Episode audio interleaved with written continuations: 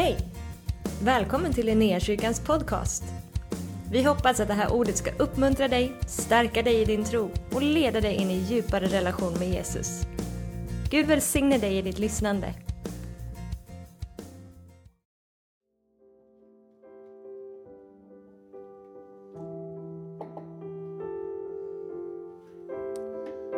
Jesus, Herre, Så är det. Tänk att när lärjungarna först mötte honom så kanske inte det var det självklaraste. Eh, Jesus möter enkla fiskare och snackar lite med dem och säger följ mig. Följer ni mig så ska jag göra er till eh, människofiskare. Kanske inte var det som de först tänkte skulle eh, bli deras pris i munnen. Herre, konung i all evighet. Eh, men det är så som de börjar lära känna honom. I eh, Johannes evangeliet så eh, om du har din bibel så slå gärna upp för att det är några verser som har hoppat ut ifrån kapitel 16 på ett sånt där vet, lite förunderligt sätt som ställer mig frågan lite, vad i hela världen är det jag frågar Gud om? Vad är det jag ställer för några frågor till Gud om? Um, så här står det från kapitel 16 eh, och eh, från vers 16. En kort tid ser ni mig inte längre och ännu en kort tid och ni kommer att se mig. Några av hans lärjungar sade då till varandra vad hela världen han menar. Vad är det han säger till oss? En kort tid och ni ser mig inte längre. Och en ännu kort tid och ni kommer att se mig.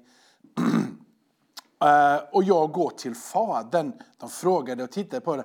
Vad är det han menar? Vad är det han talar om? Vi förstår inte vad det är han säger.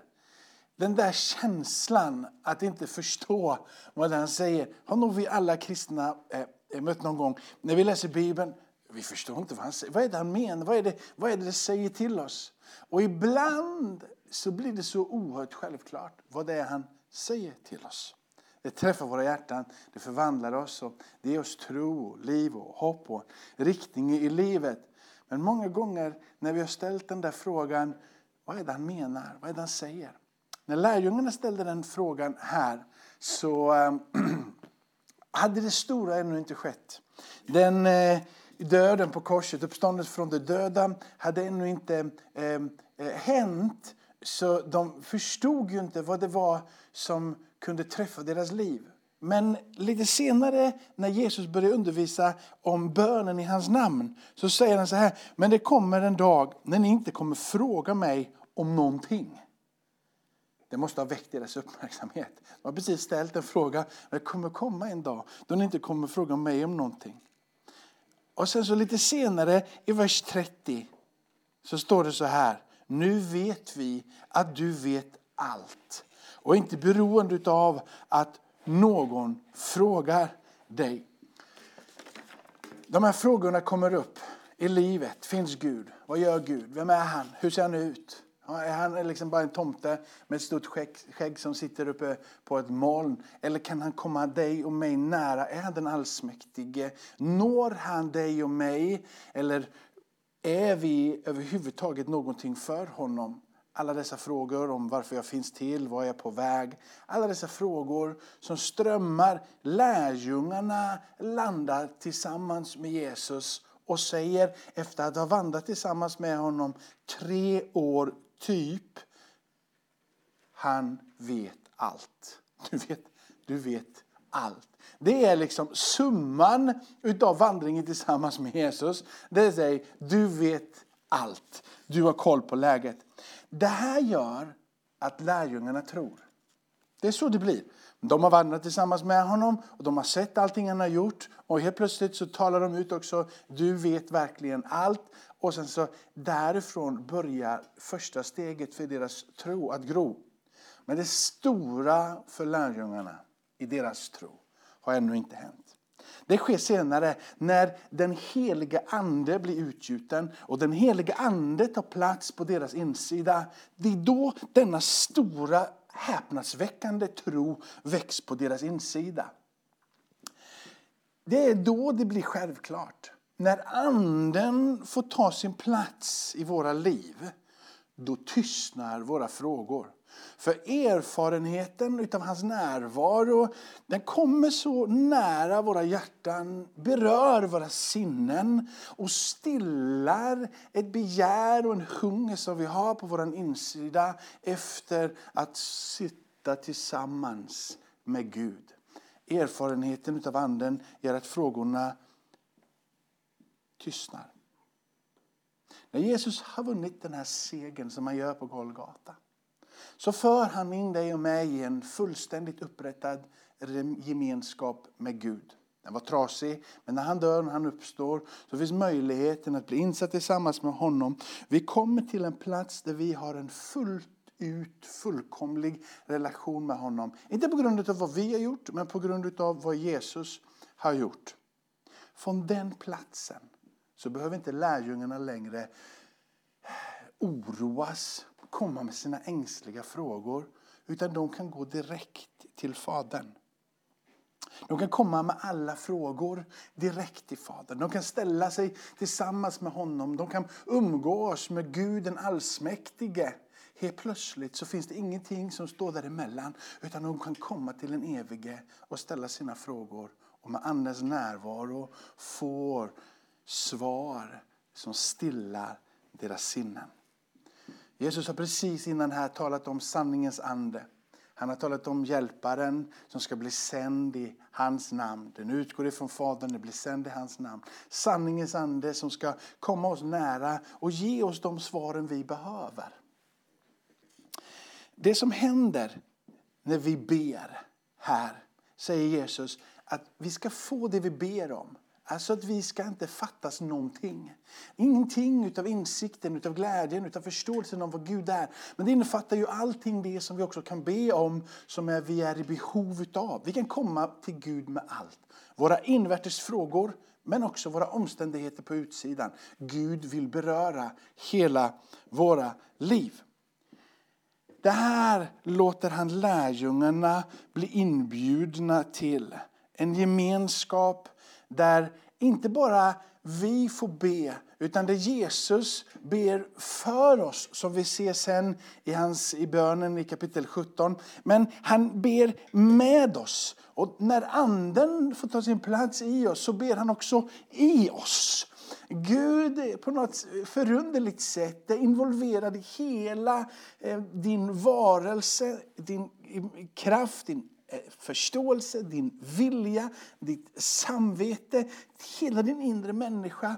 Han ber för oss, han ber med oss, han ber i oss, om jag får uttrycka mig på det sättet.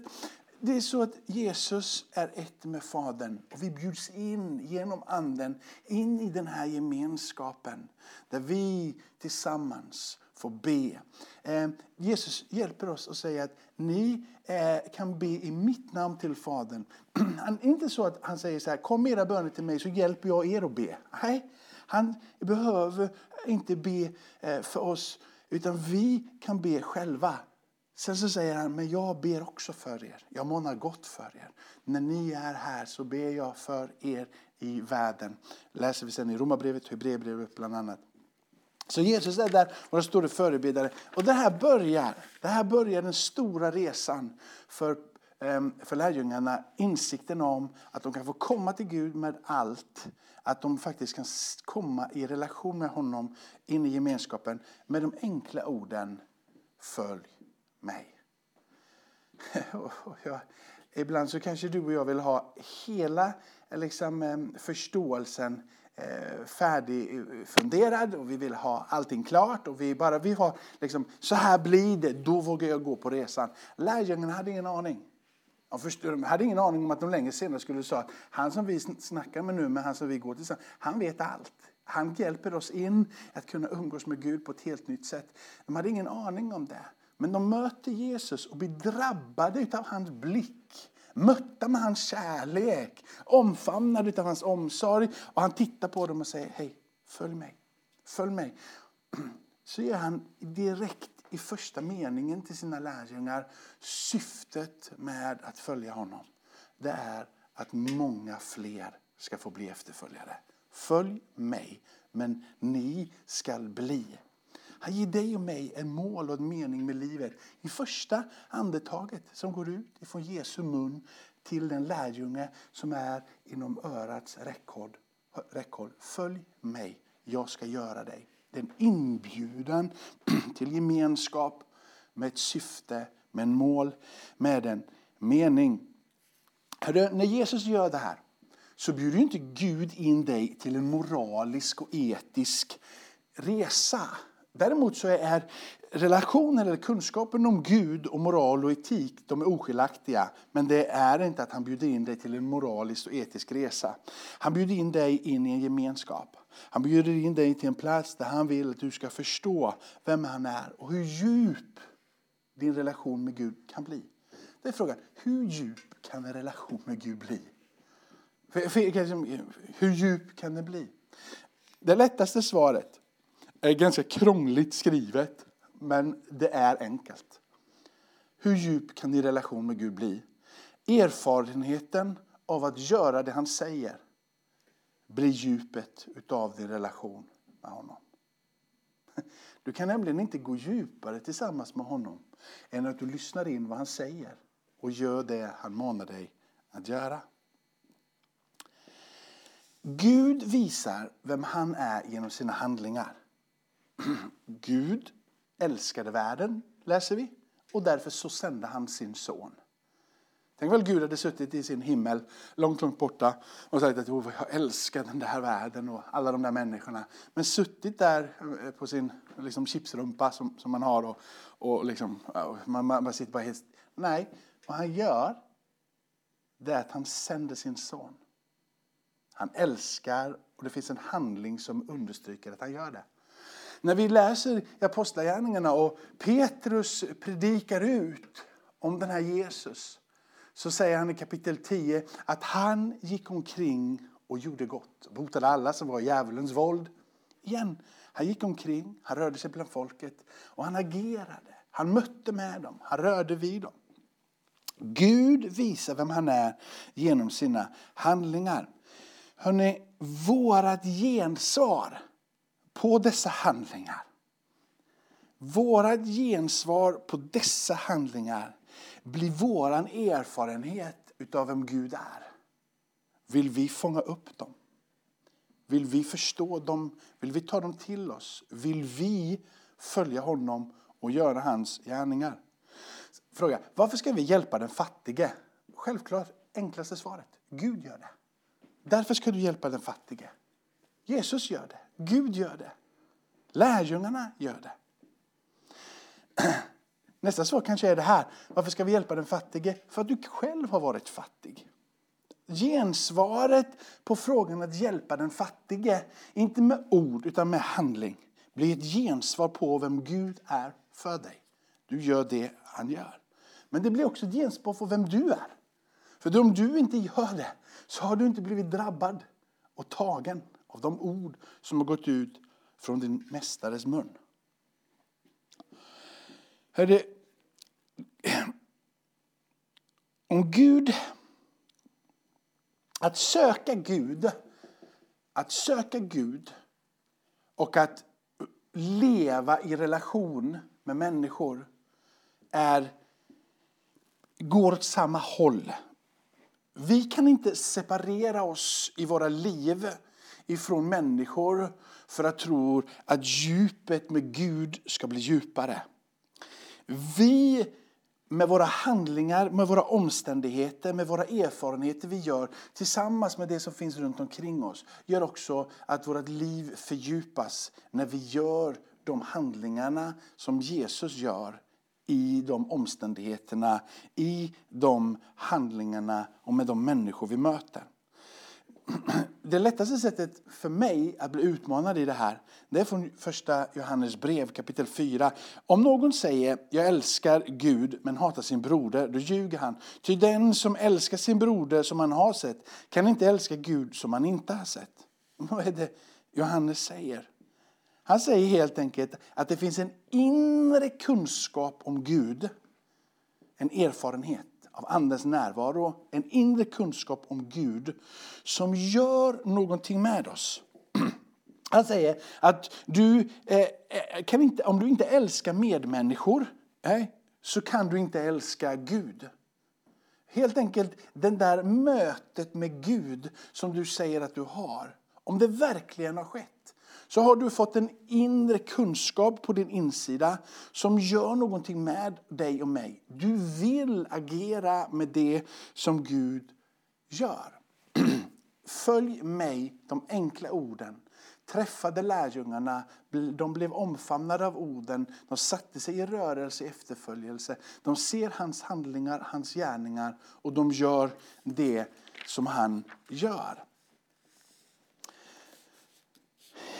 När Jesus bjuder in dig och mig i bergspredikan att leva det här livet som han eh, predikar, kapitel 5, kapitel 6, kapitel 7 eh, i Matteus, så, så eh, är inte det här någonting som är bortanför honom. Eller att det bara är ett moraliskt och ett etiskt system som han försöker liksom pracka på dig och mig.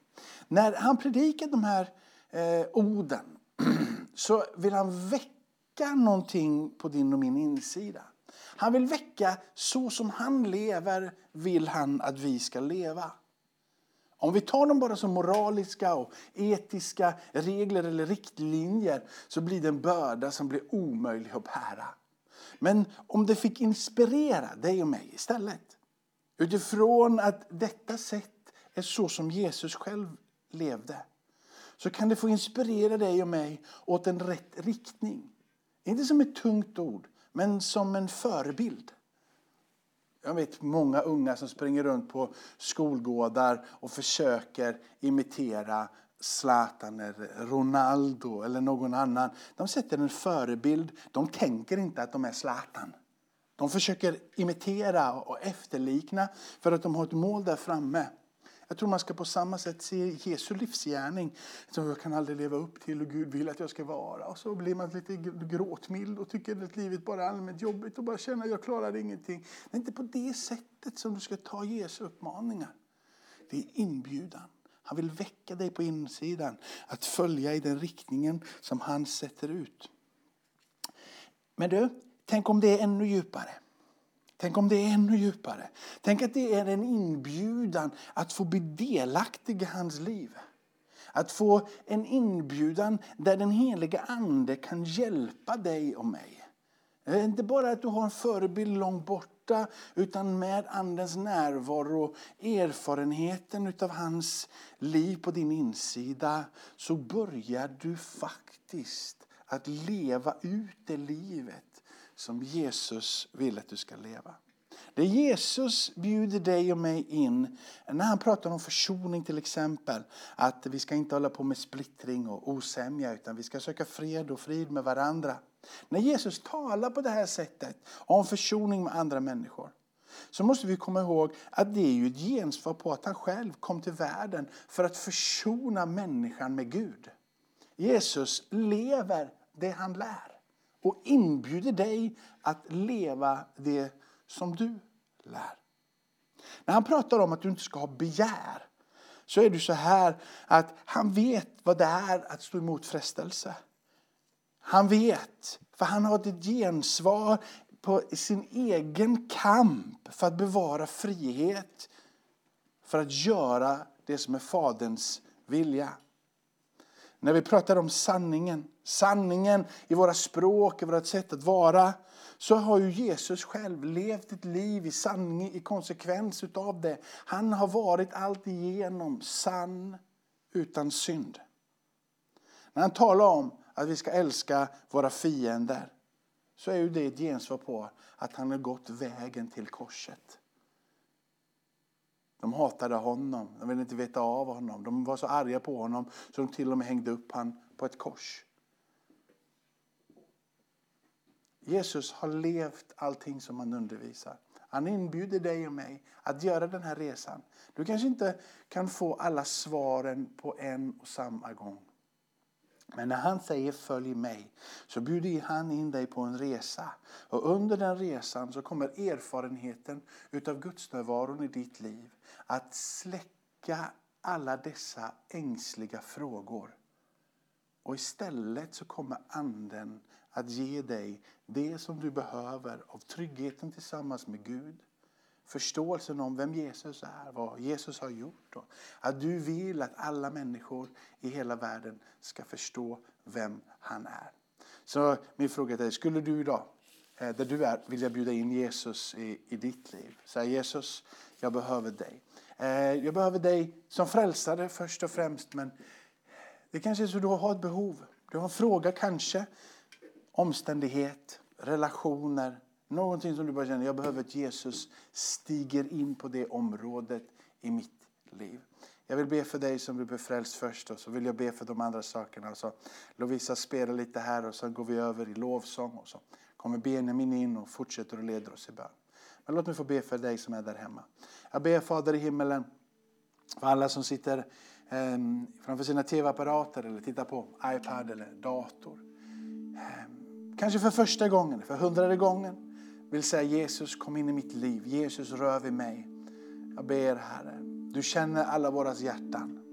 Kom Jesus, grip in, möt, förnya, förvandla, ge tro, ge hopp, ge liv. Mitt där i frågan om du finns, i frågan om varför det har blivit som det har blivit. Frågorna som kan bli så många. Grip in. Bli frälsare och än mer bli Herre. Och du som är där hemma, säger jag vill bli frälst idag, jag vill ha Jesus som Herre. Så be Jesus kom in i mitt liv. Jesus, du dog för min synd. Jag tror att du dog och jag tror att du uppstod ifrån de döda. Fysisk person uppstod ifrån de döda och tror på dig.